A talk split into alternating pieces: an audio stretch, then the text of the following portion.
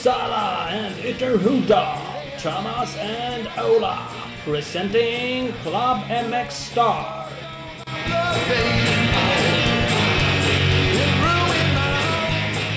Klubben Växar, avsnitt 31. Ola Torell är med mig i mitt eh, sovrum. Jajamän! Mysigt. Ja, relativt. Relativt mysigt. Inte så tokigt. Nej, faktiskt. Det är säkert varit mysigare här inne om jag, någon annan gång när inte jag var här. Förhoppningsvis har det väl. Eh, det kan jag lova. Det kan du lova. Ja. Ja, here's where the action happens. Nu ser jag ut i vardagsrummet att hon tjejen din skakar på huvudet men... ja, ja men faktiskt. Men från och med nu, nu kommer, Ja, nu kommer det ju slås nya rekord hela tiden. nu kommer det lukta Ola. Typiskt. Då blir det körläkare. Ola och Torells eh, MX kommer det lukta här inne. Ja, det med. Mm. Det går inte att komma ifrån. Vi, är- vi är som ett vi. Ja, det är så. Som bara presenterar hela härligheten. Mm. Det har vi gjort sen start. Vi är den längsta samarbetspartner. Jajamän. Det är liksom inte av Jag har med. tömt kassan i det där bolaget snart. Ja, verkligen. Det var inte så svårt att tömma. Nej, det är ju pantburkarna är vi nere på nu. Ja, Så att Tipset är att folk går in och handlar grejer på Torells MX. ja det kan man göra. så då rullar in nya Ja, tomburkar. fan. Där finns allt. Det är Kör bara. Motocross, enduro, mopeder, skotran. Ja, fyrhjulingar, Ja. landsvägshojar. Det är någon, nu är någon som har hittat någon i någon snödriva som har smält fram. Ja. Kör bara. Ja, det är bra. Eh, vi har sagt att det ska vara ett litet eh, träningsavsnitt där. Träning, kost. eh, Ja, vi har ju fått önskemål om det. Det är inte våran idé direkt. Utan... Nej, vi är ju inga träningsfreaks sådär. Eh, Det blir ett litet sånt avsnitt. Det blir inte så jättedjupgående, men vi sladdar lite på saker och ting. Vi har Kalle Aspengren som är ny landslagstränare eh, i Svemo. Eh, lite, blir eh, inne på lite träning, hans tankar, lite hur han har, vad han har gjort och vad han har tänkt. Precis. och Tankarna med upplägget på deras träning och hur han resonerar angående träning. Ja. Eh, och vi har med oss eh, Fredrik från Rhino Power eh, som pratar dels om sina egna produkter såklart men ännu mer om kost och tankar kring... Kosthållning överlag och Mm. vad man kanske bör och inte bör stoppa i sig. Och vi pratar lite bilar tror jag också han gör. Ja, precis. Vi har ju kört lite VM också. Eller vi och vi. Ja, inte vi, men vi har ju... De som äter bra och de, tränar. de kör VM som fan. Två stycken. Qatar och Thailand. Ja, Mm. Ehm, ganska olika förutsättningar, olika resultat. Det är mycket som skilde mellan de två racen bara, från en helg till en annan. Ja, eh, det var det faktiskt. På, uppe i toppen där. Ja, vi har ju spekulerat lite i vem det faktiskt var som körde Vilopotos hoj i Qatar. Ja, För det kändes inte som det var han riktigt när vi såg vad han kunde i Thailand. det var inte alls eh, samma Det var inte kille. ens ett motorstopp i starten, jag förstår inte. Nej. Och, börjar man fundera lite mer på det där så kan man ju undra vem som körde Tyler Rattrace bike också i Qatar. För det verkar inte heller vara han, samma Nej, kille. det, det, ja, eller så var det han, fast det var någon annan som körde den i Thailand. Ja, Så kan det vara. så, så, så du tänker så? Ja. och, och man undrar om teamet var där överhuvudtaget med tanke på att Villapotos hoj knappt gick i starten där. Knappt gick i starten och studsade väl mer på sidan än vad han gjorde något annat. Så att, De Nej, kanske var- skickade dit något B-team eh, till eh, Qatar. Och så hade de en veckas extra semester i Thailand, eh, Ja. själva huvudteamet. Det är inte omöjligt. De har lejt in någon ukrainare som skötte hojarna där och gjorde det sådär Ja, halvdant. det, det är känslan i alla fall. Nej men han ryckte upp sig, Villapoto. Han vann ju totalt eh, i eh, Thailand. Ja, han gjorde ju det. Han var etta och trea. Mm. Eh, lite kul att se. Han dominerade i kvalhitet, vann med typ 30 sekunder. Men han är ju amerikanare, han bara håller ju fullt överallt. Han, han, han drog som ett svin hela heatet. De andra kände att fan vad varmt det är. Nu Mm. slår vi av, vi ska tävla imorgon vi. Mm. Så därför har jag en liten anledning till att han faktiskt vann med 30 sekunder. Eh, för sen eh, på söndagen så var han med bra i starten i första heatet och då vann han. Och andra heatet var han inte riktigt lika bra med i starten. Och då körde han upp sig till trea efter två eller tre varv. Ja, Och sen låg han där. Desal och Cairoli släppte liksom inte ikapp nej, Han kunde inte göra så mycket åt det. nej. Det, det där är ju jäkligt intressant att se kan jag tycka. Att starten är ju sjukt viktig. Vansinnigt avgörande i det, det här året när det är sån hög klass på så många. Ja, man säger det. Alltså Cairoli kom inte heller hela vägen upp när han gjorde dåligt eller var omkull i något hit. Villapoto kommer inte heller hela vägen fast han körde så bra i ena så Precis. Man hoppas ju att det blir fler hit där de faktiskt kommer iväg eh, allihopa ordentligt så det blir riktigt eh, tuffa fighter. Bra race. Eh, så är det. Svenskarna då? Inga sådär så att man står och hoppar och skriker rakt ut va? Resultat? Inte bara. Vi, det är ju trettonde plats för Anton i andra hit i Thailand. Mm. Det är ju nästan bara podcast-effekt som Det ligger bakom det. måste det ju vara. Känner jag. Eh, Tixier och några till fortåkare bröt om vi ska vara petiga. Men eh, podcast-effekt är ju inte att latcha med. Nej, jag, jag kollade lite där. Det var ju ändå, han gjorde ju några, tog några VM-poäng i slutet av förra året på de här långt bort i stan tävlingarna. Mm. Eh, Och då var det ju inte riktigt lika imponerande faktiskt, för då var det ju knappt några andra som körde. Nej, och då var han eh, 16, 17, 18 Ja. ströpoäng. Men 13 är bra. Han hade bra snabba killar bakom sig också. Det hade han faktiskt runt omkring, så han hade bra tider. Så Ja. det var faktiskt jäkligt imponerande. Det ska han ha eh, cred för, Anton. Helt klart. Eh, Och Filip har tagit VM-poäng eh, i ett hit i varje deltävling, Qatar och Thailand. Precis, gärna hitta Qatar och ena i Thailand. Så att han tar ju poäng, vilket är ju riktigt, riktigt bra. Man vill Ja, ju även- såklart... eh, Även på banor som, ja, som inte är sandbanor djupa med hålor till, Mm. till bröstvårtorna. Utan det, är riktigt bra. Det känns som en stabil start. En eh, bra grund att stå på. det är ju det. Man jag, en, en liten egen analys där. Han var ju så jäkla startsnabb på eh, Jöken som han åkte förut, eller förra Mm. säsongen. Både de VM-tävlingarna han körde och i SM var han ju alltid startsnabb också. Eh, Inte riktigt klaffat lika bra.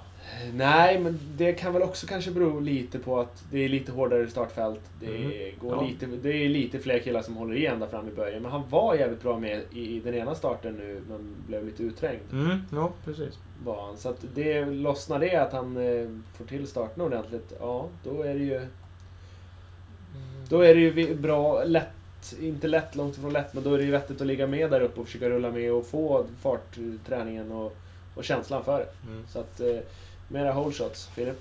Ja, jo, men det är så. Eh, Men nu är de på väg tillbaks till Europa tänkte jag säga. Det är de inte alls. då. De är på väg till Argentina först. Nej, det är väl två veckor bort va? Så Ja. jag tror de cyklar Ja, precis. Men det är ingen VM-deltävling emellan. nej, utan de nästa är i Argentina. hem till Eh, Europa, testa fjädring, mecka med Mm. lite med cykeln och sen drar de till Argentina. Så att eh, det, det ska bli intressant att se. Jag Eh. hoppas ju på något vis att det inte är någon sån här uppbyggd bana med 46 hopp som de hade dragit i Thailand, utan kanske mer en klassisk motocrossbana. Ja, jag, jag satt och pratade med jag pratade lite med Filip om det där också. Att det är ju för jävla tråkiga de här uppbyggda banorna. Eh, och jag bara kapade dem rakt av eh, för det. Och till massa andra personer också. Och så kom jag på mig själv till det sådär. Att jag har ju själv suttit och sagt liksom att varför kör man inte ett SM-deltävling liksom i storstäderna på en tillfällig bana liksom. Ja, en uppbyggd, Ja, på naturlig. Stora torget Ja. eller liksom... Och det blir ju jävligt motsägelsefullt. För det Ja. skulle bli precis samma sak om man gjorde det i Sverige.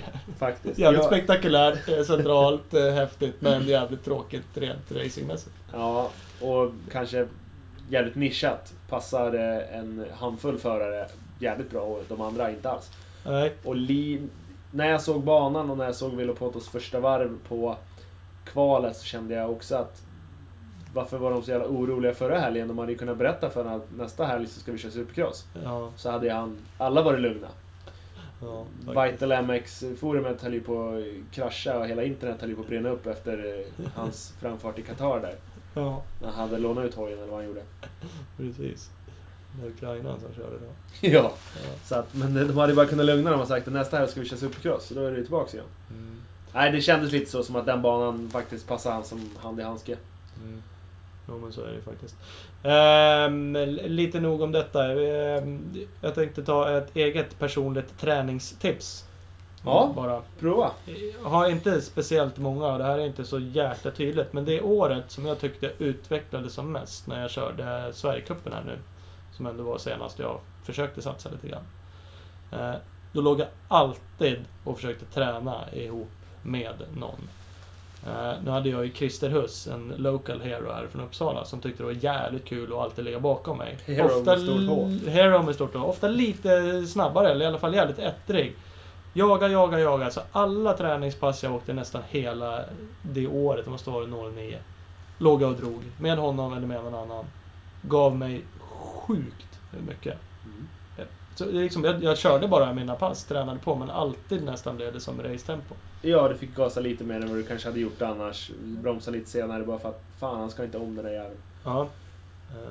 Så det är liksom inget tekniktips, men bara försök hitta folk och dra med. Det spelar ingen roll under vilken nivå du är på. Är du motionär, hitta någon som du vet eh, Så var två placeringar och- före dig förra tävlingen. Ja, eller även om du hittar någon som åker ännu fortare så försök hinna med i 10 sekunder. Eller, och till slut så blir det 15 sekunder och så blir det två raker och en kurva och så blir det lite längre och lite längre och till slut så är det med ett halvt varv. Ja.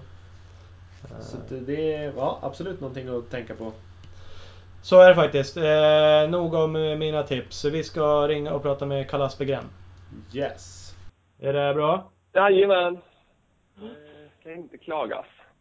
Nej, vad skönt. Det ska man inte göra i onödan. Hur är det med? Jo, det är fint. Bara bra. Härligt. Vi sitter och myser Ja. i mitt sovrum. Ja. Hur man nu ska tolka det. ja, precis. Behöver inte läsa in så mycket i det. Ja. Det är bara som det. Det är bara fakta.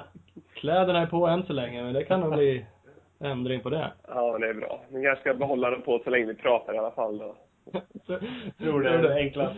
Om, om, du, om du känner att du börjar tappa fokus och blir tysta eller andfådda kanske bara, då, då kan du lägga på bara. Mm. Så är det. Ja. Nej, men det är bra, då vet jag. Så att, eh.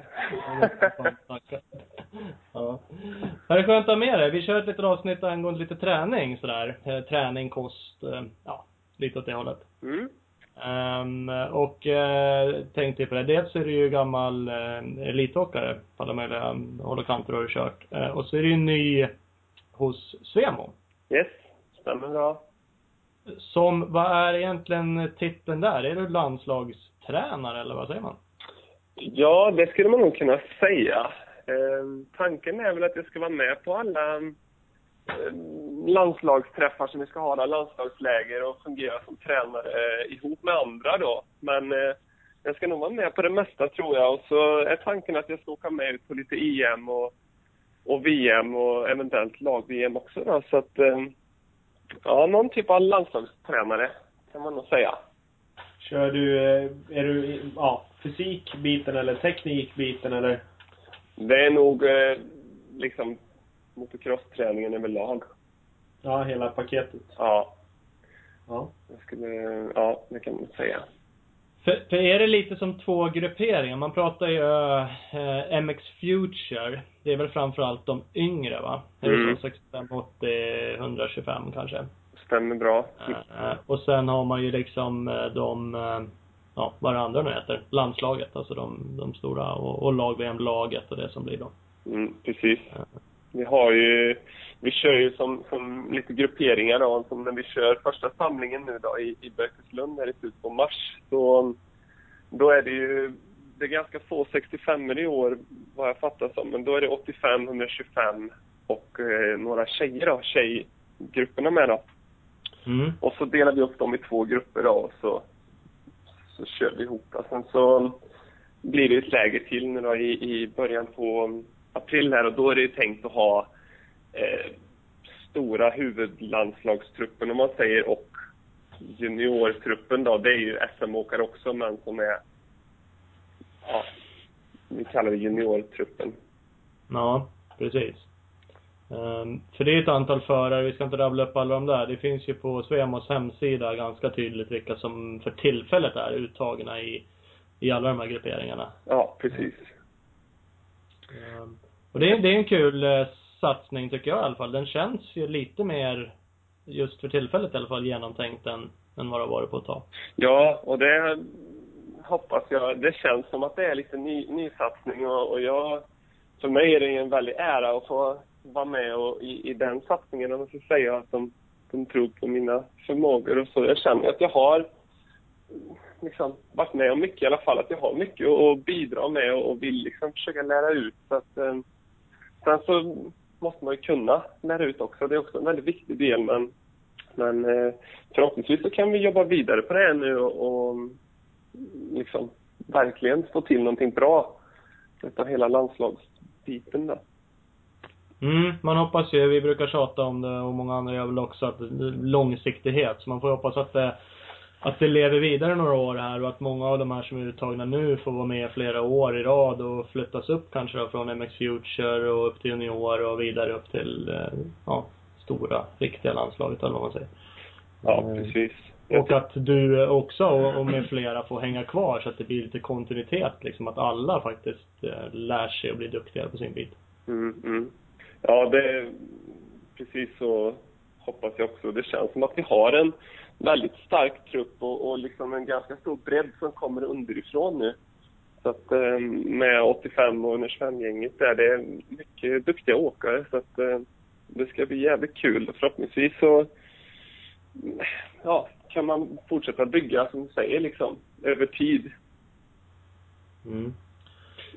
Uh, absolut, visst är det så. Kort bara, vi ska inte gå in på din egna karriär så jättemycket, även om det hade varit intressant. Uh, konstatera att du är, uh, eller var trea i MX2 SM 2010. Yes, stämmer. och det stod även på din hemsida, då var du tvåa i någon EM-deltävling också, samma år va? Mm. Körde ju två stycken EM, jag inte minns fel det året. Jag körde i Finland och där var jag tvåa totalt då. Så var jag trea, trea i heaten då och det var tvåa totalt. Och så eh, körde vi en tävling i Schweiz med. Men det var, det var inga resultat att prata om. Det gick inget vidare. Det var bara strul den helgen tyckte jag. Men ja. eh, väldigt roliga upplevelser. I Schweiz där körde vi mitt i stadsparken nästan. Det var riktigt häftigt. det är coolt. inte annat att vara med om. Eh, och sen så har du ju varit över i USA och även i Australien. Mm. Eh, och eh, kört då, ja, Nationals i USA. Jag vet inte, heter det Nationals i Australien också kanske? Ja, eh, det heter Australian MX Nationals då. Det är ungefär samma. Ja, du ser. Eh, och där, man kan ju sig ifrågasätta om du kommer ihåg någonting nu och ska bli tränare med tanke på att du har slagit i skallen några gånger va? Ja, det är ju så. Jag har ju fått ett gäng kraftiga hjärnskakningar då. Så att, eh, fortfarande finns ju lite sviter kvar efter, ja det är två år sedan senast nu då. Jag hade... Problemet var ju, jag har kanske inte fått onormalt många, men jag vilade väldigt lite efter dem jag fick. Jag fick eh, två stycken i USA med två veckors mellanrum och den första hjärnskakningen var medvetslös eh, länge och slog i huvudet så hårt så jag bet sönder fyra tänder faktiskt. Så att, eh, sen så hade vi Southwick eh, helgen efter. Körde på träningen och fan tyckte jag hade sån huvudvärk och så himla tung i, i huvudet liksom. Men jag tänkte det var jättevarmt liksom och jättefuktigt liksom i luften. Jag tänkte ja men jag har druckit dåligt bara, du vet. Ja. Man, man visste ju inte. Och eh, det var väl det jag fick sota för sen i, i slutändan då. Mm. Ja, jo för det är det för det, det har du ju fått sota lite för eh, eftersom du har ju avslutat din karriär. Det gick det väl ut med någon pressrelease nyligen va? Att nu är det nu, nu är det coach som gäller och tränare. Ja, precis. Det har ju varit på känn, på känn ett tag. Det var väl jobbigast 2013 där. Då, då var ju, jag hade ju hela off-season 2012-2013, hela vintern. Jag bodde nere i Tibro och tränade med, mycket med skolan, med crossgymnasiet och hade jättebra vinter och tränade nästan mer än någonsin tidigare. Och så var i Frankrike ett par veckor och så åkte vi ner till Italien och skulle göra sista förberedelserna och då eh, gjorde jag en krasch. Då. Och då är det ju så nästan det man, man inte får slå i, det är det första som man slår i. Så att, ja. eh, efter det, då var jag ju väldigt inställd på att racea hela sommaren då, och, men då, det vart ju inget bättre då. Symptomen som jag fick, det, de försvann inte. Men, eh, så nu så är det bara tränarbiten som gäller. Ja. Eh, men det är kul. Eh, och det är därför du är här, tänkte jag säga. Det är därför du är med. Bland annat. Men, vad, vad känner du själv då? Man liksom, nu ska du vara med och träna, mm, och du kör väl lite egna tränings-MX-skola, alltså tränar andra människor också, vad jag förstått. Ja. Eh, mm, har du något speciellt fokus liksom? Eller är det något du känner som är någon extra styrka liksom, eller? Jag brukar försöka prata ganska så mycket om, om planering. Det är väldigt viktigt att planera eh, det mesta. Med mina lägre där så kör vi i stort sett bara crossbiten än så länge då, men, men det kan ju vara tanke på att utveckla för framtiden med. Men det känns som att det är väldigt viktigt att ha planering, ha framförhållning, både med med kosten, om vi ska prata lite kost och sånt med, med maten. Liksom, så man inte... säger att man kör ett distanspass, man åker skidor i två timmar och så kommer man hem igen och så... Liksom, ja, nu måste jag äta med. Och så har man inte mm. planerat någonting och så, ja men jag tar en eh, smörgås liksom, så länge. Mm. Um, typiskt en sån grej. Man har planering, framförhållning redan på förmiddagen innan man tränar. Man kanske ställer sig och lagar mat. Det är inte jättekul, men liksom nödvändigt. Så att maten är färdig när man kommer hem. Man får mm. äta. Det är samma sak med, med sin träning, både fysträning och crossträning. Vad ska jag träna idag? Liksom. På, ja. på, på kvällen och åker till en bana till exempel då, säg att man har 4.30 pass då, en vanlig tisdagkväll kanske. Så att man inte bara åker dit och kör fyra pass liksom. Utan att man första passet, då ska vi köra tempo, då ska vi köra två stycken 10 minuters hit. Nästa pass kör vi teknik och sen så avslutar vi med 30 minuters hit till exempel. Ja. Man hela tiden har framförhållning och en plan med vad man vill göra liksom. Mm. Sånt där tror jag är väldigt viktigt, att det liksom lätt att det faller mellan stolarna. Hade du, hade du mycket framför, alltså hade du de där grejerna själv när du höll på och åkte eller hade du hjälp av någon eh, tränare så som den rollen du har idag? Hade du någon att vända dig till? Jag har ju alltid haft Magnus Espen på Grossgymnasiet. Jag har ju haft den förmånen. De har ju varit helt eh, fantastiska med mig. Eh, haft väldigt nära kontakt med dem. Det är tack vare dem att jag kom så långt som jag gjorde. Och jag slutade ju 2010 eh, nere i Tibro, men ändå så jag bodde kvar. Jag och Fredrik Norén bodde tillsammans året därefter, för då gick han i trean. Då hade jag slutat. Och jag körde en vinter hemma, men eh, då hade jag träningsschema av, av Espen och Magnus. Då. Men sen så, jag ville försöka. Jag flyttade ner dit igen sen när jag kom hem från Australien för att jag tyckte att det var så himla bra liksom, att vara där nere och jag kunde träna ganska mycket med skolan också då. Och då det är lättare liksom. Jag kunde göra, jag gjorde samma pass hemma när jag var själv men det blir inte riktigt samma intensitet. Och det är någonting som är väldigt viktigt tycker jag om man ser framåt med landslaget med att man försöker, ja det är svårt för alla är utspridda över hela landet men att man, man försöker att träna ihop så mycket som möjligt liksom. Det blir en annan intensitet och att man, man pushar varandra så då. Ja. Det där, det där har vi tjatat om flera gånger alltså, för bilden man har om man är eh, utifrån, vilket vi är, även om man har lite insyn i vissa förare, så är det att svenska motocrossförare framförallt är sjukliga individualister. Alltså man tränar aldrig ihop. Mm. Inte ens om man är på samma bana, utan då åker man på varsin, varsitt håll liksom och kör. Mm. Det är mm. väldigt svårt att få folk att, att faktiskt utnyttja den där fördelen av att ligga och, och dra ihop, eller köra starter ihop, eller se och lära, eller utan man, man gör, kör sitt race. Precis, och, och det, det är någonting som är väldigt, väldigt viktigt och jag vet inte varför det liksom är så alla är rädda eller hur det är att jag ska köra min egna grej, inte visa någon annan eller så men, men det är faktum är att det är väldigt, väldigt nyttigt att köra ihop med folk och även om du kör med någon som är, säg att ni ska köra två minuter eller två varvsintervaller och någon är lite långsammare än dig. Men då får han starta med fem sekunders försprång och så får du jaga istället. Och så mm. kanske göra en omkörning sen, får man träna på det också. Så. Då måste man ju erkänna att man är då sämre än någon annan. jag, jag tror det är det man inte vill göra. Åker man på varsitt håll då kan man liksom Ah, men då kan det man... kändes som vi var jämnsnabba ah, idag faktiskt. Kika ner lite på motorn och och torrgasa lite och konstatera att det är något som är fel. ja, precis. Nej men jag tror det där, eh, ja, det där är nog fan värt att jobba på och försöka få folk att faktiskt utnyttja det där. Mm. Man ser ju andra landslag, man har ingen 100% insyn där heller, men ta skidlandslag och sånt där som jobbar väldigt mycket gemensamt med saker och ting. Mm. Eh, jag tar ju för givet att de pushar varandra i alla fall. Ja, det såg man ju innan VM i Falun nu. Då var de ju iväg på sista förberedelserna. Då åkte de ju som en grupp och var borta ett par veckor uppe i Italien eller vart de var i bergen där. Så att det, ja. det är någonting tror jag som man verkligen ska utnyttja. Jag har ju, jag kände det i första hand att jag tyckte att jag fick inte samma kvalitet i min träning liksom.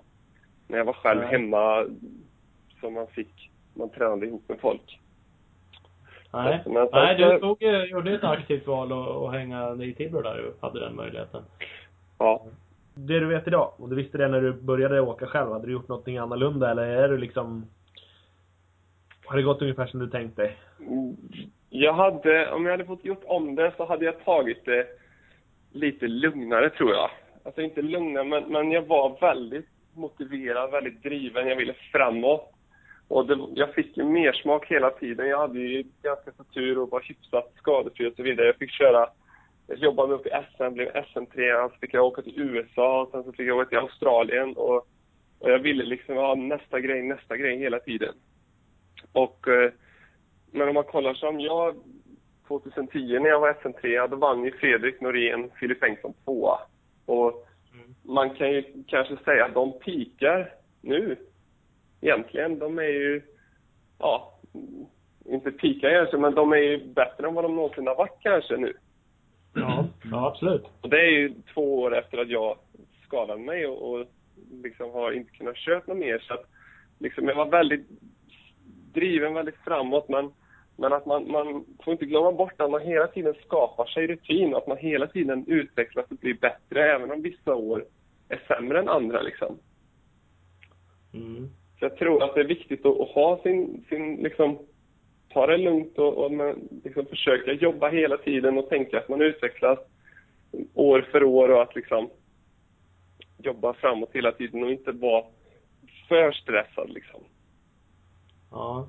Men är lite planering, alltså du pratade om det nyligen med lite kortsiktigt i alla fall vad det gällde, ja, planera din kost liksom. Du kanske måste laga mat innan för att ha mat dagen efter ditt träningspass. Det är ju ganska kortsiktigt. Mm. Det du pratar om nu, är ju väldigt långsiktiga mål och där kan jag ju känna, om man nu ska vara kritisk, att motocrossförare är ännu, ännu sämre. Jag vet mm. ju nästan ingen som liksom har ett mål som är, men om liksom om två år, då kommer jag kliva upp i MX1-klassen. Så då kanske jag borde vara tillräckligt stark för att åka den klassen. Och då förväntar jag mig att jag ska göra resultat i EM eller utan det är liksom säsong för säsong. Man, man lägger upp så här. Ja, nästan vecka för vecka. Ja, det är väldigt kortsiktiga liksom mål och det gör ju också att det blir svårare att, att planera träning, både fysträning och hojträning och mäta saker och ting. Om man inte riktigt vet när man faktiskt ska ha resultat. Mm. Verkligen. Det är ju det är viktigt. Det är ju jättelätt att säga ja, jag ska bli crossproffs, jag ska bli proffs i USA. Liksom. Men det är ju... Ja. Man måste ha ett, kanske ett mål för säsongen, så, så kanske man måste ha ett par delmål i säsongen liksom. Ja. Och, och, samtidigt då med den stora planen är att man har kanske ett mål långt där framme att man ska vara proffs i USA. Men, men det, man måste göra, ha väldigt många mer mål att jobba mot än liksom bara det målet. För det kommer bli väldigt, det går liksom inte att ta på för att det är så himla stort och långt bort liksom. Ja. Så man måste, ja, måste, det... måste ha små mål som, som man kan jobba mot hela tiden så att man kanske uppnår de målen liksom. Mm. Ja, men det ligger ju någonting i. Um, helt klart. Och man kan väl kanske inte jämföra idrotter och sånt heller. För att tar man, tar man skidor som ett exempel hör man ju verkligen så här, är det mästerskapsår eller det är OS på gång. Då, då planerar ju de flera år liksom, ja men det är om två år jag ska vara bäst för då ska jag vinna OS-guld. Mm. Uh, och då kanske man väljer att vara lite sämre en säsong i världscupen. Hoppar över vissa grejer för att då tränar jag liksom. Ja, tränar kanske på ett annat sätt. Mm. Ja, då, så då går man, kör man tunga träningsperioder eller man kör någon annan form för att man vet att det här kommer ge mig någonting som sagt om ett eller två år och det är då jag vill göra resultat. Mm, eh, precis. och nu, nu är inte crossen så vi har inte mästerskap på det sättet. Sen kan man ju fundera på att det är då jag kanske vill slå igenom då liksom. Om mm. det ska gå enligt min plan i alla fall. Uh, det är svårt som i VM i cross och formtoppa i 18 race. Det är också lite speciellt att det är, sju månader liksom. Det är väldigt många deltävlingar där man förväntas på något sätt vara på topp i, i alla, eller i alla fall mer eller mindre. Absolut. Men eh, man kan ändå relatera lite grann där och se att ja, mellan eh, mitten på november till eh, slutet på februari, början på mars, då ska jag liksom mm, bara råträna, bara träna liksom nästan träna ner mig. Och sen så mars där liksom innan tävlingarna börjar dra igång och, och man tar det lite lugnare och då, då kommer man ju automatiskt, kurvan kommer gå uppåt, det kommer bli som en liten formtopp eller vad man ska säga liksom. Och sen så är det ju, det är ju som ni säger svårt för vi behöver ha kvar den formtoppen i sex månader nästan. Ja. Men, eh, men man kan ändå, tror jag, mycket generellt se det så att man, liksom arbetet görs på vintern liksom. Man kan inte komma i, i februari när det börjar bli ljusare på dagarna och töja och liksom, nu ska jag börja sätta igång med träningen här, för nu är snart säsongen igång liksom, eller i mars. Utan det, ja, det är för sent. Utan råträningen ska göras liksom de här jobbiga novemberregndagarna liksom. Och, och december och, och hela vintern då. Du menar alltså att vi är för sent ute, vi som tänkte börja träna nu? Lite för sent. Fan, jag som började gymma här för tre veckor sedan och kände, att det solat, jag började känna mig lite så här stark i kroppen. Kändes bra. Jaha. Men Ja, det var det- lite nedslående. Jag har åkt hoj både igår och idag och det, det är för sent alltså. Det är bättre ni satsar på 2016 grabbar. Nej, jag Ja, just det. Ja. ja, men det är bra. Jag tror att eh, motionärerna har ett free pass där, att ni får köra lite som, ni känner för det. Ja, kan vara därför vi håller till där. Låter lovande. Och bara pratar träning. Det är ju fantastiskt att vi sitter här och och pratar träning. Ja, vi har inga direkta... Jag tror inte vi har så stor trovärdighet i det här ämnet. Nej. Men man, man kan, det är lite som du sa egentligen att det, som tränare, eh, och din roll nu, du måste kunna lära ut också. Mm. Och det där är en jäkla konst. För det är en sak att vara svinduktig på att åka hoj. Det finns ju många som är, eh, som troligen är helt talanglösa på att lära någon hur man åker hoj. Mm. Jo, jag har ju sett många exempel på det. Du, hur gjorde du där? Nej, jag höll fullt. Ja. Ja, jo, men... Ja, nej, jag höll fullt. Jaha, okej. Ja, d- tack för hjälpen. Ja men det, det hjälper ju ingenting. Likväl som det finns folk som inte alls kanske har haft någon jättelysande karriär, men har en sjujävla blick. Eh, kan stå och titta på liksom en duktig förare, titta på mig, göra någon form av jämförelse där och liksom se då, ja du borde kanske inte göra det du gör överhuvudtaget. Gör inte det. Eh, Ja, nej, så är, så är det ju absolut. Och samtidigt kanske kunna kolla. Det är också en, en talang att kunna titta på hur någon annan gör och se, ja, han gjorde sådär. Ja, ja, men då gör jag det också. Mm. Och överföra sånt. Ja, det gäller ju verkligen att kunna gå in på liksom, ja, vi behöver flytta ut spåret en, en halv meter här för att kunna få med oss lite mera fart ut ur svängen eller vi behöver höja ytterarmbågen lite grann här för att då får vi ner, kan vi svänga ner hojen lite lättare och så vidare.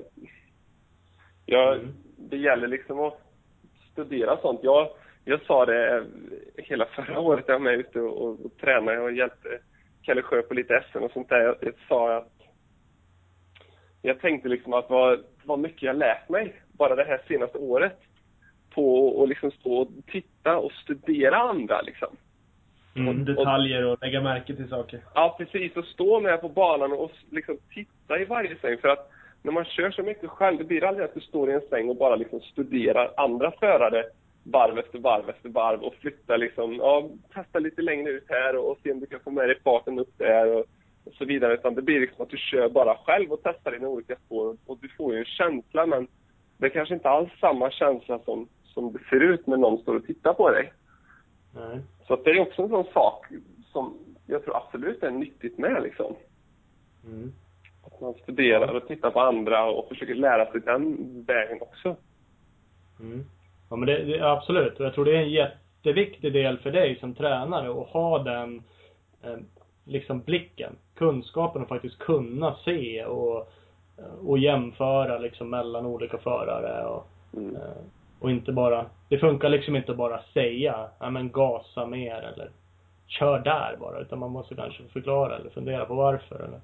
Ja, och det känns, att köra här känns helt fel i den här kurvan, men nästa kurva tjänar du två sekunder i för att du gjorde sådär. Mm. Och kunna motivera och förklara också. Precis. Håll, håll liksom istället för att drifta ut den här svängen som kommer gå fortare just här så, så håll, håll åt dig lite grann för att öppna upp mot nästa och få med dig mera fart ut på en jättelång raka kanske. Och det är liksom i slutet på den här raksträckan, eller hela raksträckan, när du får med dig så mycket fart, det är liksom där du kanske kommer ta tiden då. Så är det ju. Eh, tittar man någonting, alltså Aldon Baker i USA är ju ganska känd eh, tränare som har lyckats rätt bra, fått fram ett par snabba killar. Mm. Liksom, tittar ni någonting däråt hur de andra tränarna gör eller? Ja, jag försöker följa. Jag har ju ganska så stenkoll skulle jag säga på amerikanska crossen det mesta. Men det är rätt så svårt att, att, att få någon typ av tillgång till det. Jag är ja, det väldigt, är svårt att eh, få en inblick i hur de tränar och vad de tränar på. Precis. Jag är väldigt eh, fullt MX-fan. Jag lyssnar på allt som Steve Matthews gör. Det där. Jag tycker det är lite kul med men ni har startat en liknande här i Sverige nu. Men, men han, har ju, han har ju killar med ibland och han har tränare med ibland. Och, och då får man ju en liten inblick i vad de säger och de förklarar lite grann. Men det är ju ganska så generella saker. Det är väldigt svårt, tycker jag, att få liksom en, en riktig inblick i vad de faktiskt gör. Du åka dit och lägga dig i någon buske och speja lite. Ja, då skjuter de mig. kan, kan vara så. Ja, de är kanske jävligt hemliga med det de gör. Eh, jag vet inte. Ja, jag vet ju att eh, när jag gick på crossgymnasiet så var Magnus Espen eh, över och intervjuade Tyler Rattray bland annat och några andra tränare och förare liksom och fick en, de fick en väldigt bra inblick i det. Och det är ju, de skulle jag säga har stenkoll på det mesta vad det gäller träning och väldigt uppdaterade så jag försöker att lära och, och suga åt sig så mycket, liksom, så mycket jag kan utav dem. Mm. Ja, det är väl vettigt. Uh, absolut. Uh, det, det, här är en jättesvår uh, fråga så. men om man skulle ge träningstips. låt säga att det inte är, alltså kanske inte på 80 kubiksnivå, men om man är på väg upp, börjar bli junior liksom. Mm. Finns det något, utan att bli då generell, precis den där kurvtagningen. Vad, vad ska man liksom fundera på om man är förälder, eller den grabben då som är 14 liksom och ska kliva upp på en 125 eller 15 eller vad det är? en grej som som jag har kört rätt så mycket med, med de jag har tränat det senaste året och Kalle Sjö bland annat som är hjälp i SM, det är växla upp. Om man ska se liksom som ett åktips. Kör mm. på, det går att köra, speciellt om man åker fyrtakt, kanske 125 med, men det går att köra på väldigt mycket högre växlar än, än vad man tror. Och, och du mm. vill hela tiden att hojen, det låter jättecoolt när du ligger på varvstoppen, men du vill hela tiden att hojen ska dra dig framåt liksom. Det kommer bli mycket lugnare åkning och, och och det blir säkrare åkning också liksom. Ja, fjädringen fungerar bättre, du har bättre fäste. Det spinner mindre. Precis. Det kanske inte känns som att det går riktigt lika fort och det låter inte lika häftigt men eh, i slutändan så tror jag att man eh, tjänar på det. Ja, fan, man måste ju åka på varvstopp. Det är inget kul. Kanske inget coolt. Det, det är ju ett, alltså det är ett vad ska jag säga? Det är enda sättet att tro att man är snabb. Nej, exakt. Nej, men det är ett basic tips, men det är ju ett superviktigt tips. Att åker du halvgas på trean eller halvgas på fyran så, ja, det går fortare på fyran. Mm. Precis. Så är det. Så att det är, det är, ja, det är ett grymt tips. Alla där ute, lyssna, lär. Mm. Växla upp. Ja men det är nog så. Eh, vi, vi pratade ju om, om tillfällighet. Eh, Ola hade köpt nya hjälmar, Toru-hjälmar, som uppenbarligen var, höll bort ljudet bättre. De är lite tätare runt öronen. Eh, och fick en upplevelse då att vad fan, är det något fel på cykeln liksom? Eh, mm. Och jag vet att Mackan Norlén har sagt till mig, och han åker med öronproppar. Mm. Eh, och han sa att när han började åka med det så var det någon som sa till honom, prova att åka med öronproppar för att få bort motorljudet och åk istället på känslan av cykeln. Mm. Jag åk alltså inte på varvstoppsljudet. Det är, det är nu varvar jag, nu går det fort som fan. Utan det, det är liksom hur du upplevs cykeln och drar den mer liksom. Och ju mindre ljud menade de på sen de där så, ju mindre motorljud du fick in i huvudet då, ju lättare var det att bara tänka på ja, hur det driver på liksom, hur känslan är istället. Mm. Det är ju bara att kolla på en sån som Ashley Spilek borta i USA mm. som är eh, döv. Ja, precis. Hon hör ju ingenting. Hon går ju bara på känslan. Det är väldigt imponerande, ska man ju säga. Ja, ja hon åker ju fan blixtfort också. Ja, det gör hon verkligen. Det var inte lätt att köra om henne. Det var det borta på träningsbanorna. Då fick man kämpa lite. ja, det är bra. Så ska det vara. Nej, hon är häftig. Det är faktiskt coolt. Hon, eh, nu har de väl inte en serie på samma sätt i USA som de hade, men hon var ju en absolut toppåkare i deras Ja, de har en serie men de har, får mycket mindre uppmärksamhet. Den går på konstiga banor i mindre skala. Så jag tror ja. många hoppar av och åker inte den serien längre. Mm. Nej men det är så, och just det där, alltså som Mackan gjorde, åkte med öronproppar eller inte. Det kan man väl avgöra själv vad man gör. Det är ju en sån här grej, det handlar ju också om träning. Att uh, testa. Mm. Det är både fysträning, testa vad, vad ger bäst liksom. Är det armhävningar eller är det någonting annan övning? Mm. Eh, Öronproppar eller inte öronproppar? Eh, Ja. Trean eller fyran? Eh, Det är ju liksom, så länge man inte provar saker och ting, då lär man ju aldrig uppleva om det är bättre eller sämre. Precis, man måste vara väldigt öppensinnad och, och jag tror att förr i tiden så var det nog väldigt bestämt om hur man skulle åka. Du ska stå så här länge, du ska sätta dig här, armbågarna ska vara här. Men, Ja. men som man ser idag så det är, varje förare har sin egen stil och, och, och att man liksom inte försöker kanske ändra det eller ta bort det utan utveckla det istället. Ja. Jo, absolut. Tittar man på de alltså toppåkarna i vilken serie som helst så är det ju många olika åkstilar och många som åker riktigt fort. Precis. Kan det inte vara på gott eller ont Alltså jag är också, jag som är så gammal i liksom uppväxt innan internet fanns och sådana här fenomen. Då, då satt man ju i race och bläddrade i svartvita bilder. Det var ju svårt att se hur någon åkte och jag är också upplärd som du säger. Stå upp, armbågarna jättehögt, stå in till mitten av kurvan, då sätter du dig ner långt fram och sätter gaspåslag. Mm. Ja, det, det funkar ju rätt så bra i alla fall själva tanken med att lära sig så. Sen att man inte gör riktigt så sen. Eh, Man blev ju upplärd på ett visst sätt och man fick inte så här jätte- jättemycket intryck. Skulle jag säga så till en kille idag, eller du liksom som är 14, 15. Och så sitter han och kollar på liksom supercross och national så ser du Bubba Stewart åka liksom. Mm. Som sätter sig 20 meter innan kurvan och har sitt påslag då typ Mm. det- är väldigt svårt att börja åka som en sån kille gör. Eh, Det är känslan i alla fall. Du har säkert rätt i att man, man ska inte stirra sig blind på en viss fast typ av teknik. Eh, Samtidigt så ska man kanske inte försöka anamma någon av världens snabbaste människors teknik heller. Nej, precis. Och det finns ju alltid grunder man, man vill jobba mot liksom. Eh, Som är, ja, det är ju gans- det är ju bra att ha upp armbågarna så att det är ju lite lättare att svänga och så vidare. Men, men att man är väldigt öppensinnad och inte försöker tvinga folk in på vissa saker som kanske inte funkar för dem. Utan vi är ju alla olika. Mm. Så att, eh, Ja. Mm, mm. Ja, nej, det är intressant där och det går ju som sagt var inte att lära ut exakt. Vi hoppas att du får vara kvar länge inom eh, Svemo och att du kan bidra till eh, alla nivåer. Från MX Future 65 upp till lag-VM-grabbarna. Ja, eh, hoppas jag med. Det ska bli väldigt spännande. Rolig sommar här, så jag är väldigt, väldigt taggad, måste jag säga. Det känns som att man har fått tillbaks lite av känslan igen. Liksom. Det, man har, har varit väldigt fokuserad, målmedveten på en sak och det är svårt att bara ta allt det och stoppa undan det, utan då måste man liksom lägga det på någonting annat. Mm. Och, och pracka på det på massa andra. Mm. Fan, inte det taskigt? Nej, men det är rätt. Man är ju eh, innördad i det här med motocross.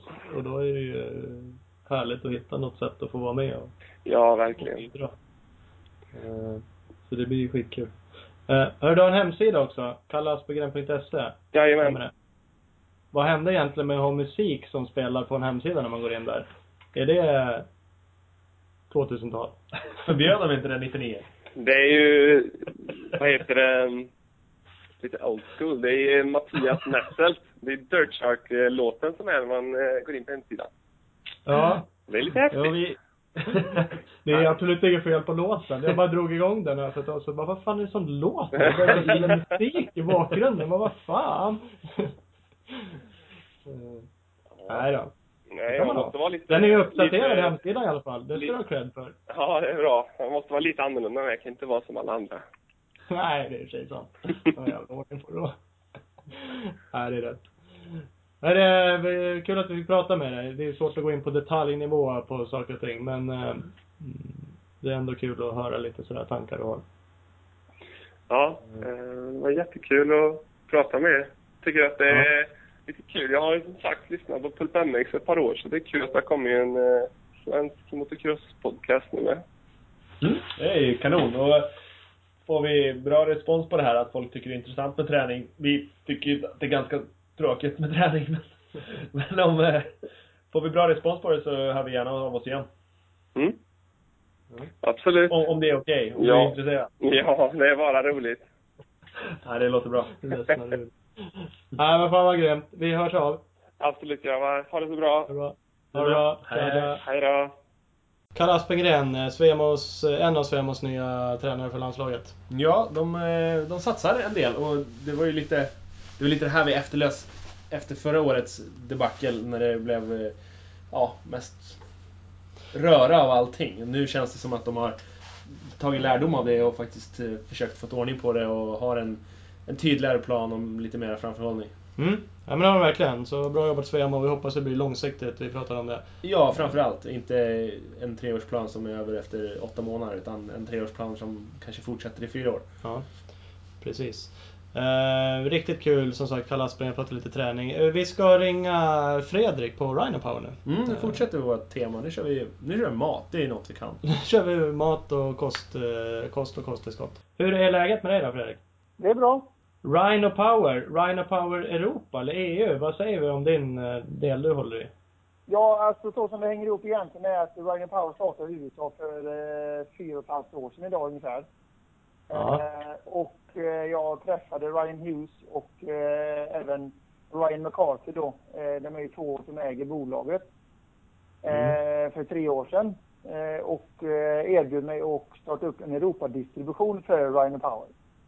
Mm. Ehm, och därför så startade vi Rhino Power Europe AB. Det är ett svenskt bolag som är distributör för Rhino Powers produkter i hela Europa. Mm. Så bolaget fungerar egentligen som Rhino Powers förlängda arm eh, Ja. in i Europa då och importerar produkter, sköter tull, eh, frakt, eh, läkemedelsverk, livsmedelsverk, eh, alla de här bitarna för att få produkterna testade och kontrollera att vi kan ta in dem i Europa för försäljning på marknaden. Då. Mm. Har, eh, har vi hårdare krav i Sverige för sådana grejer? Eller eh, är ni i resten av Europa, tänker jag? Eller är det ungefär lika? Nej, alltså grunden i hela Rhino Power är ju egentligen att alla produkter är, eh, alla ingredienserna i produkterna är godkända och vi följer WADA och IOKs reglementen. Och WADA är ju World Anti-Doping Agency och IOK är Mm. Internationella Olympiska Kommittén. Eh, Mm. Och det är ju internationella organ som reglerar jag, vad som är dopingpreparat och inte. Eh, Ja. Och i och med att vi följer de reglementena så fungerar ju produkterna och kan användas på alla marknader runt om i alla länder. Mm. Eh, Sen finns det specifika krav på vissa ingredienser och hur man ska skriva ingrediensförteckningar för olika länder så att man får förhålla sig till eh, de reglementen då. Men eh, inte ingredienserna som sådana är internationellt godkända. Ja, precis. Vem är du då? Du är gammal crossåkare? Åtminstone Ja, va? men bra. Eh, jag Ja. har faktiskt växt, växt upp i en liten ort som heter Hyssna utanför Göteborg. Eh, och jag har kört cross i Sjön MS eh, sedan jag var liten. Jag fick min första cross när jag var tio. Och växte upp med Peter Johansson i min klubb och Martin Bubbe Hansson fanns runt omkring, Jörgen Nilsson. Så jag växte upp på 80-90-talet där när vi hade väldigt, väldigt stora framgångar internationellt. Och Mm. Eh, Man hade alltid någon att jaga på banan på den tiden. Så att, eh, nej, det gick bra för mig. Jag vann junior-SM 1990 i Helsingborg. Så att, eh, jag har väl tävlat på en hög nivå så. De har ju hyfsad i alla fall då. Godkänd. Ja, ja, jag är hyfsad i alla fall. Jag har inte varit ute internationellt. Jämfört med mig och Ola i alla fall. Så vi, vi håller låg profil då. med våra... Nej, men jag är ju jag är 44 år nu och hinner väl inte träna på den nivån jag borde. Men eh, jag blir inkallad till serien och åker fortfarande cross. Så att jag brukar vara bra med i starterna, etta till trea. Och så brukar jag ligga där framme i 10 minuter. Sen så får man slå av lite grann. Blocka lite. Du kör Alessi. Helt, Ja, helt enkelt. Nej, så det finns kvar där. Nej, jag har hållit på med motocross hela mitt liv. Ja. Ja men det, för det känns som att när det, när det drog igång, eller i alla fall när jag började märka det. Det kanske var för att då jag började märka att det syntes mycket inom crossen just med, med Rhino Power. Ja, och det är ju en väldigt naturlig anledning egentligen. Det är ju att eh, eh, vision, visionären bakom är ju Ryan Hughes. Eh, Mm. Som säkert många känner till. Och hans smeknamn har ju varit Rhino. Och det är därför Mm. det heter Rhino Power. Han har ju satt sitt smeknamn på varumärket. Eh, och hans vision var egentligen att ta fram tillskott för eh, högintensiva sporter och actionsporter. Eh, mm. Med produkter som är väldigt, väldigt rena och när vi menar rena så menar vi egentligen rena från eh, kemiska tillsatser, inga kemiska sötningsmedel, inga färgen, inga fillers, inget bulk. Väldigt naturliga, rena produkter. Och rena också med tanke på doping då. Mm. Eh, och i och med att Ryan Hughes har ett väldigt starkt fäste fortfarande inom motocrossen. Han tränar ju Eli Tomac och han tränar ju väldigt många utav de här världens bästa förare idag.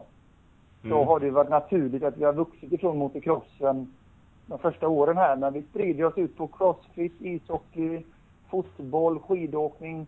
Sakta men säkert också då. Mm. Ja, absolut. Men det är intressant. Eh, vi har ju ett litet sådär eh, träningsavsnitt eh, har vi sagt idag. Det är ju svårt att gå in exakt på någonting. Vi har pratat lite med Kalle Aspengren om träning eh, och det är inte på någon djupare sådär. Men han ska jobba med landslaget eh, med Svemo eh, som tränare. Ehm, och nu ringer vi och pratar med dig just, eh, ja men dels lite träning. Jag vet att du har lite kunskap om det. bland annat för att du har kört mot Klas själv då. Och lite kost överlag och sen kosttillskott då såklart. Vad liksom, vad man kanske borde göra, vad man inte borde göra. Vad gör, vad gör vi för fel? Uh, och lite sådana här ja, bitar tänkte vi på. Ja, jag tycker er att era frågeställningar är extremt relevanta. för att ehm, eh, om man nu tittar på idrottare i allmänhet så utgår ju egentligen all idrott ifrån en, en egen fysisk och mental prestation oavsett egentligen vilken idrott man håller på med. Mm. Eh, inom motocrossen då så har vi ju en motorcykel som redskap där man lägger väldigt mycket tid och fokus på fjädring och eh, motorer och inställningar och däck och annat. Eh, men eh, motorcyklarna kör ju inte sig själva utan det sitter ju någon på som kör motorcykeln och det är ju egentligen där eh, resultaten sitter egentligen, som man säger. Mm. Eh, är, man inte, yeah. är man inte tränad nog så då orkar man inte köra de här heaten och tävlingarna. Eh, äter man inte rätt så fungerar inte kroppen som den ska. Den har inte rätt bränsle, den har inte rätt proteiner, den har inte vitaminer och mineraler. Eh, man är inte mentalt skärpt nog så att eh, jag får väl säga att kost och, och, och hälsobiten är väl lite, inte riktigt det fokus på som man borde lägga, om man ska vara ärlig. Nej. Eh, det är väl lite den bilden man har, eller vi brukar säga att vi har också, utan att ha någon hundraprocentig insyn i exakt vad alla gör, så eh, ja, det man hör, följer man folk bara på sociala medier, Facebook, eh, Instagram eh, och det man hör och ser så känns ju inte crossåkare som de absolut mest fokuserade och genomtänkta vad det gäller träning och kost och Det är lite sådär skjuta från höften och man gör lite, lite som man själv tycker. Eh. Ja, eh, det kan, det finns ju flera anledningar. Det finns väl en, en tradition kanske och så här har det alltid varit. Eh, samtidigt som man lägger, som jag sa, fokus kanske på motorcykeln och det är alltid där man hitta, försöker hitta en förbättring för man har kramp i armarna och man orkar inte hit och ut och då är det fjädringsinställning istället för att titta på vad gör jag som person.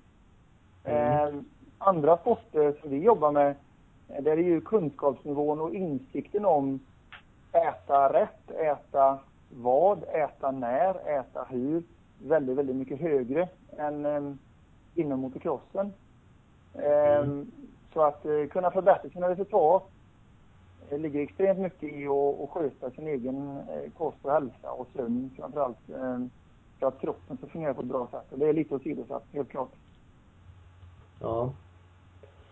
Vad va, va, va tror du det beror på? Eh, har det bara blivit så? Så snurrar det bara på? Alla gör på samma sätt. Han gör ju så, så jag gör så. Och så, och så är man i någon liten ond spiral på det där, eller? Ja, som jag sa, jag tror det ligger mycket i gamla grejer som har funnits med sedan många tider tillbaka kanske. Ehm, och sen är det ju så ofta när man har en, en grupp människor som, som gör en viss sak så är det väldigt svårt att bryta sig ur det mönstret. Ehm, mm. Och då blir man lite kanske, ja, vad ska man säga, man vill gärna ingå i den, den här kretsen av människor, men så här gör ju alla andra och då gör jag så med. Ehm, mm. Och tittar man historiskt sett på de som har lyckats, om man tittar på motocross då, Mm. Om man frågar dem så har de alltid nästan frångått det som alla andra gör. Då har mm. man tittat på bitarna. Vad äter jag? När äter jag? Hur ska jag äta? När sover jag? Alltså man, Mm. man vågar detaljerat gå in i de här sakerna och analysera. Ehm, Mm. Jag tror att det, det är... ehm, Det handlar bara om en, en rutin och ett sätt som det alltid har varit. Det, det är någonstans måste man bryta det mönstret. Ja. Jo men det, ja men det är väl lite så. Det är säkert jättesvårt att svara på det här, men vad skulle säga om man tog liksom hojåkning, eh, eller hojträning, fysträning, kost, eh, kosttillskott. eh, Kan man ta de sådana grejer? Kan man rangordna det liksom? Vad är egentligen, vad, vad skulle du fokusera på om du själv skulle vara ung och liksom satsa nu? Jag kan väl säga så här. Ehm, jag känner ganska många eh, duktiga. eh, Jag är i USA rätt ofta och umgås med de här människorna som är i den här branschen, i motocrossbranschen. Ehm, och eh, en av de absolut extremt mest välmeriterade människorna, och han är ju aktiv redan idag, eh, Roger de Koster, eh, har jag pratat med lite grann och jag ställde frågan till honom. Ehm, Mm. vad, vad är balansen mellan människa och motorcykel? Mm. Och svaret för honom är 80% människa, 20% motorcykel. Ja. Och han har en ganska erf- lång erfarenhet och eh, han driver fortfarande och är ju aktiv i KTM idag med, med Ganji och, och Ja. Marvin Musquin. Så jag menar, han har ganska bra erfarenhet från det här. Och en sån människa svarar 80-20, eh, då förstår man hur viktigt det är med eh, sin egen kropp. Ja. Så att rangordningen är väl egentligen det. Ska man, ska man få ett resultat så står, kan man säga att 80 består ungefär av din egna personliga insats som eh, mentalt och fysiskt och, och, och resten är egentligen motorcykeln. Ja. Om du eh, klumpar ihop de eh, förarna du har lite kontakt med idag eller liksom de du känner lite bättre i Sverige. Hur skulle du fördela procenterna då, då på en svensk snittcrossförare? Eh, ja, Tvärtom. Omvänt. Ja, det, alltså, ja, det är nästan tvärtom kan man säga. Det, Ja. det är faktiskt sanningen att man lägger 80% av tid, resurser och pengar på motorcykeln och 20 på, på sig själv. Ja. Eh, och jag tycker man kan se det allt ifrån från en SM-tävling ner till en eh, motionärstävling eller en serietävling vad duktiga förare och vanliga motionärer gör eh, mellan heaten, vad man gör på lördag kväll innan racet, vad man går och äter på kvällen, hur man äter. Då, då kan man ju undra eh, om de har eh, tänkt till egentligen. Ja, man undrar vad man vill, kanske vill eh, få ut av det som sagt, om man har, om man har tänkt till. Finns det ingen genväg då? Om jag trycker en pizza liksom ena dagen så kan jag ju käka lite eh, Rhino Power dagen efter så är jag ju på banan. Eller funkar det Eh, så? Nej, och man kan väl säga att Rhino Power fungerar ju på sitt sätt och det hjälper ju väldigt många funktioner men det neutraliserar inte en pizza. Nej. Fan också. En 6-10 bärs då? Vad sa du? En 6-10 bärs då? Kan man hitta något sätt då?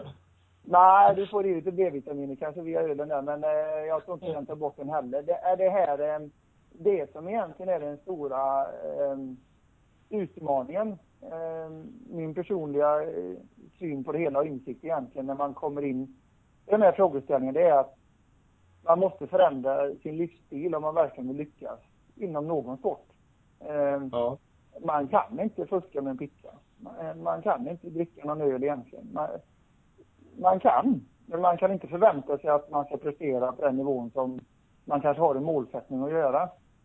Eh, många har målsättningar och visioner om vad de vill göra, men de gör inte alla stegen man behöver för att komma dit. Och sen så kommer det en hel lista av ursäkter att varför man inte nådde dit. Mm. Eh, och många har inte den karaktären, om man ser det så, och, och håller sig ifrån mat som man inte borde äta, för man tycker, ja men det är ju så gott, det är ju bara idag. Jag kan väl ta en Mm. pizza idag. Jag kan väl ta, ta McDonalds en gång, det gör väl ingenting. Alltså, jag kan väl dricka en cola, men ska man lyckas så måste man vara väldigt hård mot sig själv och ha karaktär på de bitarna också. Ja. Ja, ja det är väl så. Men det är såklart en jäkligt svår eh, bit. För att det handlar ju liksom, det blir ju det där sociala spelet. De flesta har ju något socialt liv utanför sin träning. Och då är man ju kanske med vanliga människor, om man får uttrycka sig så då. Eh, och de trycker ju gärna en pizza och en par bira liksom en fredagkväll. Eh, och det gäller ju då att vara rätt så stark och stå emot det där. Jävligt stark, rättare sagt. Ja, absolut. Och det, det är det jag menar här. Alltså, det är ju inget fel. Ehm, Eh, eh, det jag säger är inte att alla människor ska sluta äta pizza och annan god mat eller äta, inte dricka vad man vill och så. Men eh, man måste göra upp med sig själv och sitt inre. Vad är det jag vill göra? Vill jag mm. bli topp tre i svensk motocross? Vill jag åka till USA och köra nationals? Vill jag komma ut på VM? Eh, då sätter mm. man upp en målsättning för sig själv. Och för att nå den mm. målsättningen så är det inte bara en bra motocrosscykel som gäller och en bra buss. Utan det gäller att se till att kosten, när jag äter, hur jag äter, vad jag äter, våra produkter, de hjälper till att stötta enormt bra eh, före, under och efter en fysisk aktivitet. Det är det vi är trött på kan man säga. Mm. Eh, och då måste man ju, då måste man ju säga, vad du måste offra för att nå dina mål måste stämma med din vision. Eh, du mm. kan ju säga, nej men jag har ingen vision att bli så bra, jag ska bara köra för skoj. Ja, då kan man ta en titta och lite så. Men då ska man kanske inte ha så höga förväntningar på resultaten heller. Nej. Nej, självklart är det så, för man kan ju, det är ju helt okej okay att ha en målsättning att man är nöjd och vara, inte vet jag, topp 5, topp 10 i Sverige liksom. Det är ju bra nog. Kan man ju tycka, eller får man ju tycka. Eh, men som sagt, det, det, känslan är att det finns ganska många som vill mycket, mycket mer. Eh, I alla fall utåt och mentalt så liksom. Eh, men hittar inte riktigt vägen då. För att fullfölja liksom. Eller ger inte riktigt allt utan Nej, men så är det. Och, eh, jag tror egentligen tillbaks till den tidigare frågeställningen varför det är som det är. Jag tror också, eller jag tror, jag vet med den erfarenheten som jag har haft nu i tre år med Rhino Power. Jag har pratat med hundratals, hundratals motocrossåkare runt om i Sverige och Europa. Eh, mm. Om hur man gör och vad man gör. Och egentligen den stora saken är eh, två saker. Det är egentligen insikt och kunskap. För att mm. du kan inte förändra dig om du inte har kunskapen. Och kunskapen skaffar du inte innan du har fått insikten. Och de flesta människor har inte insikten i vad man bör göra. Och då blir det för stort steg att förstå vad man bör göra för att komma till resultatet. Mm. Så att när vi står och pratar, men jag är ute väldigt mycket, så är det mer utbildning till människor att prata om hur kroppen fungerar som en biokemisk eh, maskin än vad gör kanske den specifika ingrediensen med kroppen. Och då får folk, jaha, det visste inte jag, det har jag aldrig tänkt på. Och så får man en insikt och då blir man nyfiken på kunskapen. Då skaffar man kunskapen och sen inser man, ja okej, okay, jag måste göra så här för det, då blir, fungerar min kropp bättre. Då orkar jag mer mentalt. Då kan jag vara fokuserad längre tid. Så att mm. eh, det saknas en stor insikt och kunskap om hur viktigt det är att sköta sin egen kropp. Mm. Ja. Jo men ja precis. Det, det kan man ju känna. Alltså jag kan ju känna det själv. Jag har inte kommit till jag har ingen insikt och ingen kunskap. Nej, jag, jag sitter och gråter här för jag känner hela mitt liv håller på att rasa samman. ja, men det, det behöver du inte göra, men eh, det gäller att ha en karaktär och en eh, mot sig själv och när det, när det väl uppstår för att eh, vi kan ju kalla dem frestelser då. Eh, jag skulle gissa att de flesta människor man sätter sig ner och diskuterar säger ofta, ja, jag vet vad jag borde göra men jag kan inte, jag gör det inte när det händer. För att eh, om man ska gå in i sig själv så handlar det om egentligen att man alltid i varje ögonblick har en, en, en valmöjlighet själv. Och ja. står man där vid ett bord med olika sorters mat eh, och, och, olika valmöjligheter och tittar på det här. Så säger ju då ena delen av kroppen, det där var gott och det hade varit skönt att äta och det skulle jag tagit nu. Men det där borta, det ser mycket nyttigare ut och det vet jag är bättre. Men det små, ah, det frestar inte så mycket. Och då Nej. faller man för frestelsen som tar det som är dåligt. Mm. Och där kommer den här karaktären in i bilden och där kommer det här lilla ögonblicket av beslut. Nej, jag tar broccolisoppan och jag tar det här istället för det kommer att gagna mig i längden. Ja. Det, ja, precis. Alltså det är ju något litet beroende. Det är ju massa saker som är lite så också. Ofta kan man ju känna efteråt att man ångrar sig liksom. att man tog det där som inte var bra. Eh, men, men ja, man är ju så jävla. Nej, ofta kommer ju ånger efter att man vet att man hade... Alltså ånger kommer ju sällan ifrån att du gjorde rätt. Nej. Ånger kommer ju ofta från att du hade ett val men du valde fel och så gjorde du det så kunde inte motståndaren fick ånger för att du visste att du valde fel. Ja. Det är där karaktären kommer in, att när du väl har valet så måste du välja rätt från början och stå emot den andra rösten som pratar. Det är det, är det Ja. som är, det är det som skiljer ofta de som blir bäst och de som blir medelbra, om man uttrycker det så. Ja. Men du har ju som sagt, du har ju träffat lite folk och så här. Är de fullt ut, alltså om du träffar någon förare, någon av de duktiga som du har träffat. De sköter sig liksom. Det är ingen pizza där. Man är inte McDonalds liksom. Det är inte massa slarv utan man är jäkligt fokuserad. Alltså, det- ja, nu vill jag inte dra alla över någon kam, en kam utan det finns, det finns personer inom svensk motocross som, eh, som är jätteduktiga på det här och har full insikt i sådana här saker. Eh, och det finns, man ska ha full respekt för dem som är jätteduktiga på det här. Eh, och de är pragmatiska och de vet exakt vad de ska göra. När nu pratar vi om en generell inställning till hur viktigt det är med kost och hälsa och sköta sin kropp. Mm. Ehm, och så finns det de som är jätteduktiga som missköter sig jättemycket. Så man tänker, hade de skött sig så hade det blivit mycket bättre för dem. Ja. Ehm, men det svåra är att ehm, ehm, tipsa någon om eh, ändra fjädringen tre klick eller eh, köpa det här däcket. Eller, det är så mycket lättare för det kan man gå och köpa och så byter man det och så hoppas man på ett bättre resultat. Ja. Eh, Men kommer man med tips och säger att du borde kanske äta annorlunda. Då går man in i en människa, då är man inne på så här, så det inre territoriet och då tycker man, du ska inte lägga i vad jag äter.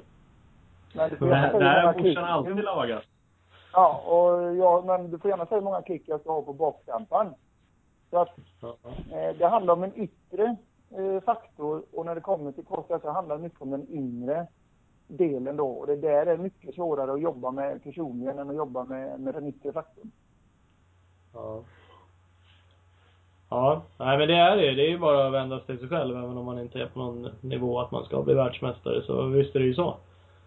Eh, det, det, det är speciellt att ta åt sig. Vi pratade ju sagt var lite träning, både jag och Ola och med Aspegren och så där. Där kan det också ibland vara sådär att Ja, har du en tränare då och du ska åka hoj liksom och någon säger åt en Man tycker man gjorde en jävligt bra kurva. Och så är det någon som faktiskt säger att Nej, det där, du borde göra så här liksom.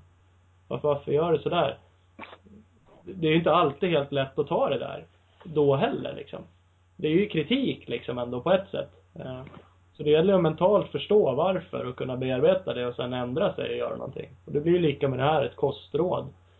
Eh, måste ju ta åt sig liksom och, och faktiskt göra någonting vettigt utav den informationen man får. Precis, men här finns ju också en annan viktig sak och det är ju egentligen hur man förmedlar en, en kunskap till någon. Ehm, man har ju svårt, och jag personligen med, om någon kommer fram till mig och säger Du Fredrik, jag tycker du ska göra så här istället för att, och så drar de en lång lista. Då kan man ju tänka, ja men jag har inte bett om några råd. Men säger man så här, du vad tycker du jag ska göra? Och så säger personen exakt samma sak. Då är jag mottaglig för informationen för jag har öppnat mig för kunskap. Det är samma Ja. sak i det här fallet. Om någon kommer och säger så här till dig, den här kurvan borde du göra så här istället. Då, då blir det som kritik. Och då blir Ja. man ofta lite avvaktande och säger, okej, men du behöver inte säga det till mig. Men om du går till personen och frågar, du vad tyckte du, hur körde jag i den kurvan? Ja, du skulle göra så här och så här. Ja, men tack för tipset. Så det är en väldigt stor Mm. skillnad. Eh, det kallar man personlig trespassing.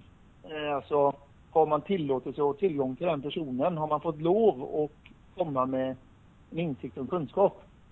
Mm. Eh, så de människorna vi jobbar med, de har ju själva öppnat och frågat, vad, hur tycker du jag ska äta? Hur tycker du jag ska göra här? Och då kan vi göra kostschema, vi råder om, vi tittar på blodgrupper, vi tittar på massa saker. Förutom våra produkter. Eh, de funkar egentligen generellt för alla men eh, olika människor tål olika saker. Tål man gluten? Tål man laktos? Eh, alltså det finns jättemånga parametrar för hur kroppen och den här biokemiska fabriken fungerar. Ehm, men då, då vill man gärna att personen man pratar med är mottaglig för informationen. Så man måste fråga först, vill du veta? Och vill du ha lite Mm. kunskap? Ja, det vill jag. Och då säger man det och då blir det mer mottagligt. Mm. Ja, men det, det låter ju jävligt klokt. Det är precis som du säger, man kan inte bara komma och mässa på någon. Där kan man ju tycka att då crossåkare kan ju faktiskt ta åt sig lite. Och vi har pratat om det många gånger att man, man tar inte hjälp. Det finns massa människor som vill hjälpa till. Vi pratade med Peter Johansson exempelvis. Han bara, ja, men det är ju ingen som frågar mig om hjälp. Jag hade gladeligen hjälpt till. Eh, men det är ingen som gör det. Det kanske är samma fenomen för dig ibland. Att det är helt enkelt ingen som, som söker liksom hjälpen. Och då, och öppnar upp sig liksom och blir mottaglig. Eh, nej, man kan väl säga så här nu. Jag, jag har ju varit ute med Rainer Power i tre år och det gick ifrån en liten plastpåse eh, med lite produkter till ett 3x3-tält till, och det, vi växer och växer och växer. I år har vi inhandlat en stor eh, professionell teambuss eh, mm. som vi har gjort i ordning. Så att vi växer också. Man kan väl säga så här, de här första året, då gick ju folk gärna omvägar. Eh, det var ingen ja. som ville prata. Man stod där alldeles själv.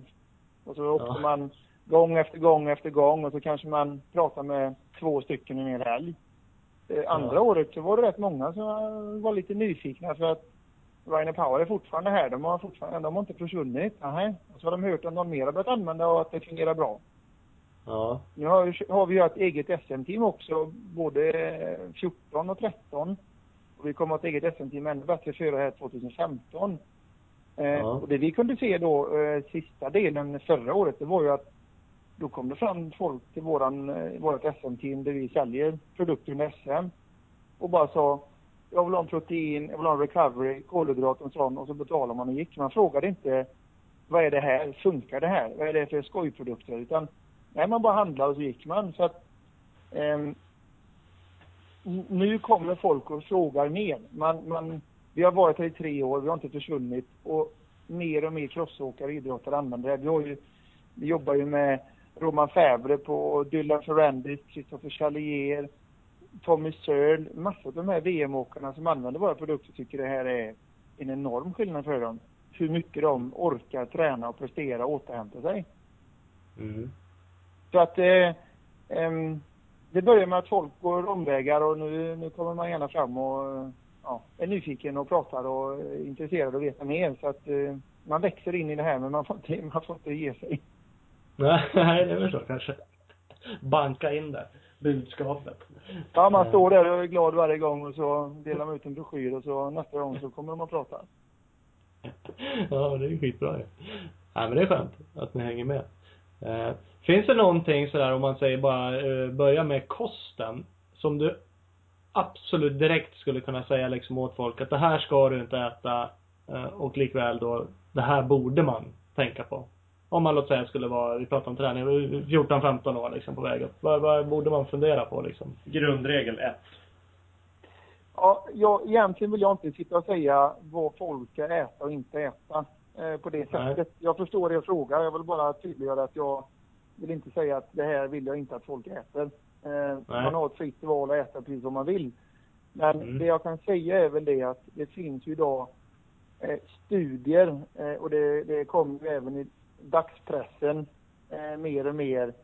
Eh, och det som dyker upp då det är väl, eh, det är väl gluten, sädesprodukter och mjölk. Det är ju två sådana områden som man nu då forskarmässigt håller på och diskuterar om det här är bra eller dåligt. Eh, det kom en forskarrapport alldeles nyligen där man menar på att mjölk till och med försämrar, försvagar skelettet och utarmar eh, fast mjölkindustrin vill påstå att det förstärker skelettet. Så att det har kommit upp massa eh, intressanta diskussioner på bordet. Eh, mm. Och det är inte bara lekmannamässigt utan det är även eh, på, på väldigt hög forskarnivå då. Mm. Eh, men man ska väl i alla fall, om man börjar så här, var lite försiktig med bröd och sädesprodukter och mjölk. Eh, för mm. där är väldigt få människor som är fullt mottagliga för de typerna av eh, proteiner och sånt och lektin och sånt som finns inuti de här produkterna. Eh, prefabmat eh, ska man ju hålla sig ifrån. Eh, läsk i alla former ska man hålla sig ifrån. Snacks och godis, eh, glass. Det är gott, men det är ingen som gynnar kroppen.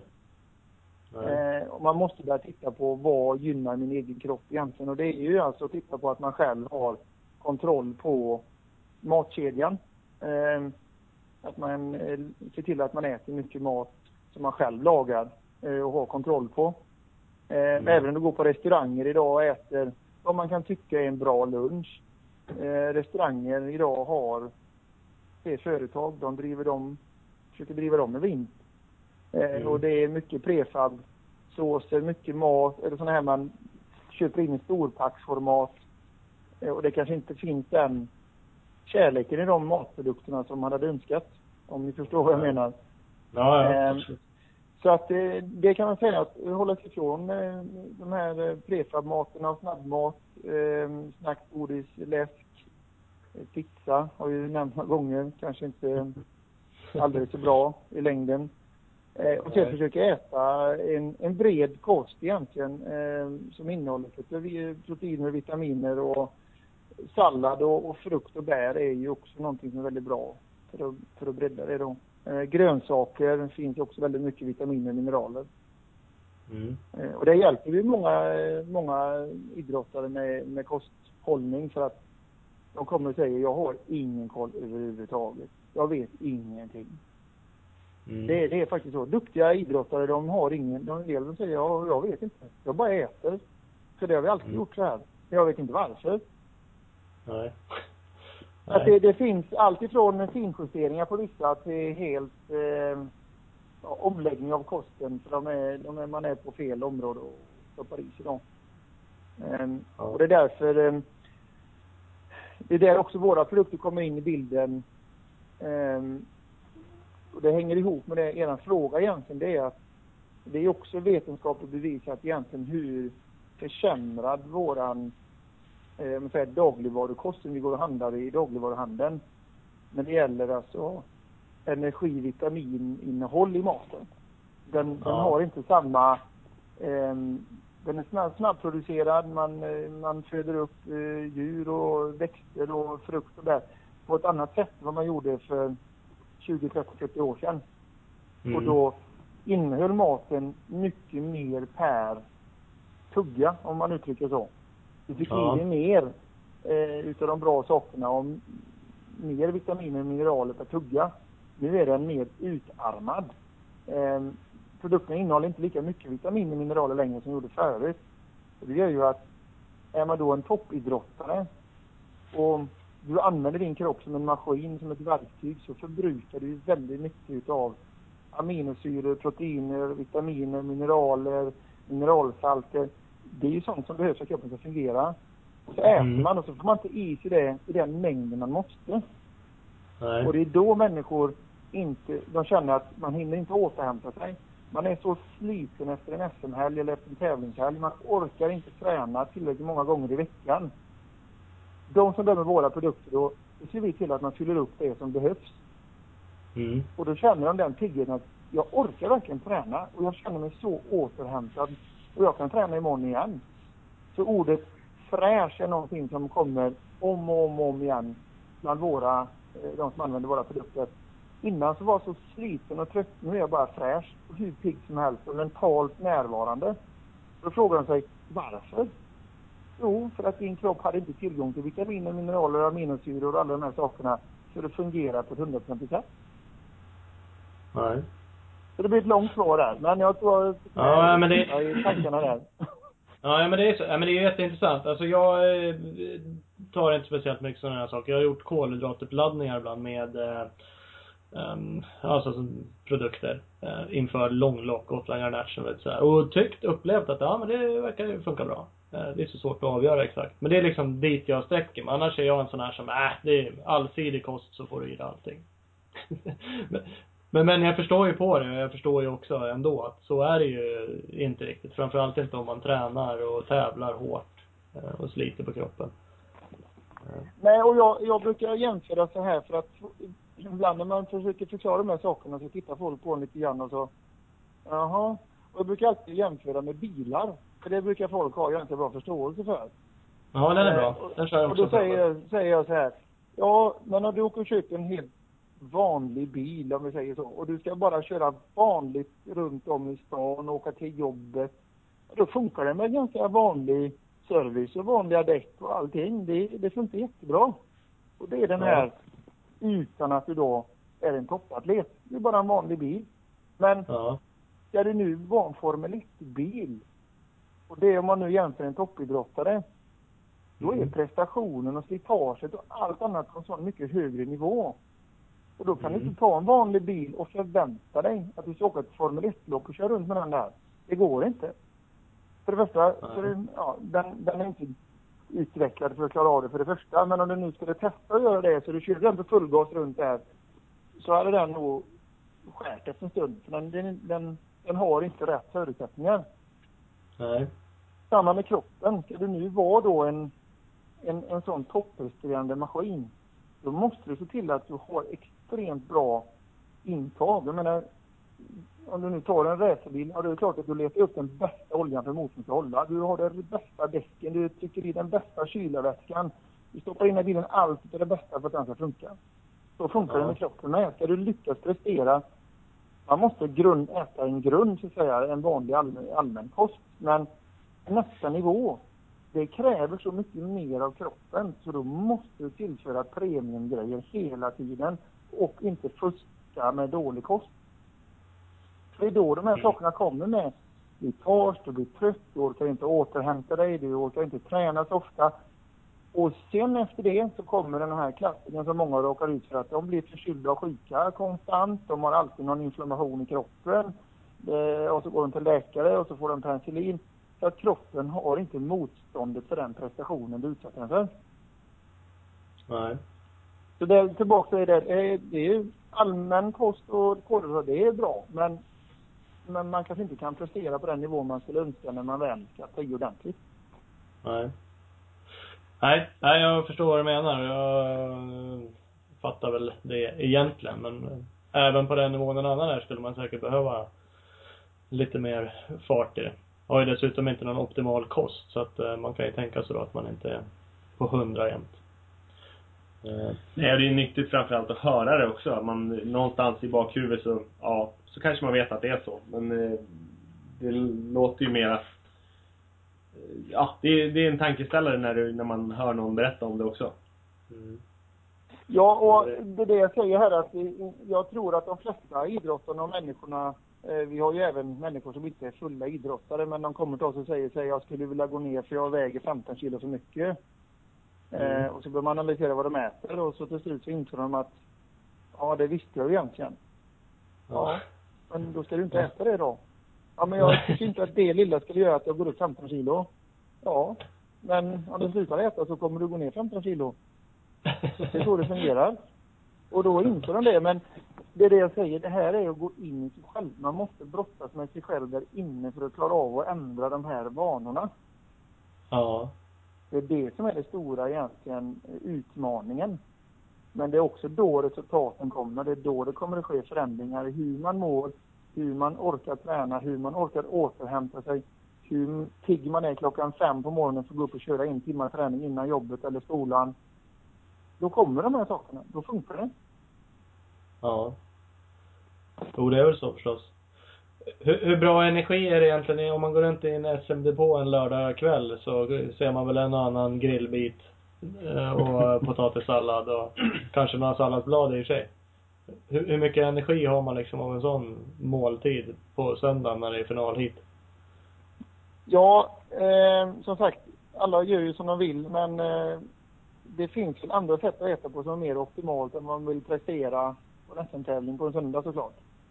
Ja. Eh, och det handlar ju med vätskeintag, eh, vilka elektrolyter, alltså det vill säga vilka mineralsalter du får i dig kvällen innan.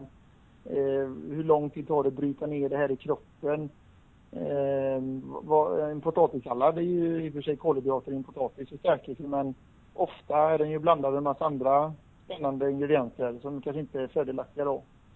Ja. Eh, Så det är klart det finns andra sätt att äta. Eh, Fast de sätten kanske inte är så, uttrycka det, så upphetsande då. De kanske inte är så Nej. njutfulla. Men det kanske ger bättre resultat på. Och det är det här man Ja. får brottas med själv igen då. Och välja Ja. vad, vad vill jag göra. Ja, precis. Ja, men det är ju så.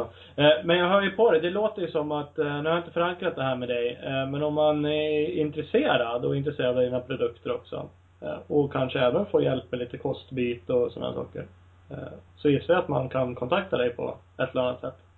Eller? Ja, absolut. Eh, jag, jag brinner ju personligen, eh, som ni lite grann förstår också, eh, för det här. För att jag själv har haft väldigt mycket problem med min mage och min kropp sen jag körde cross och när jag var 18-19 år gammal.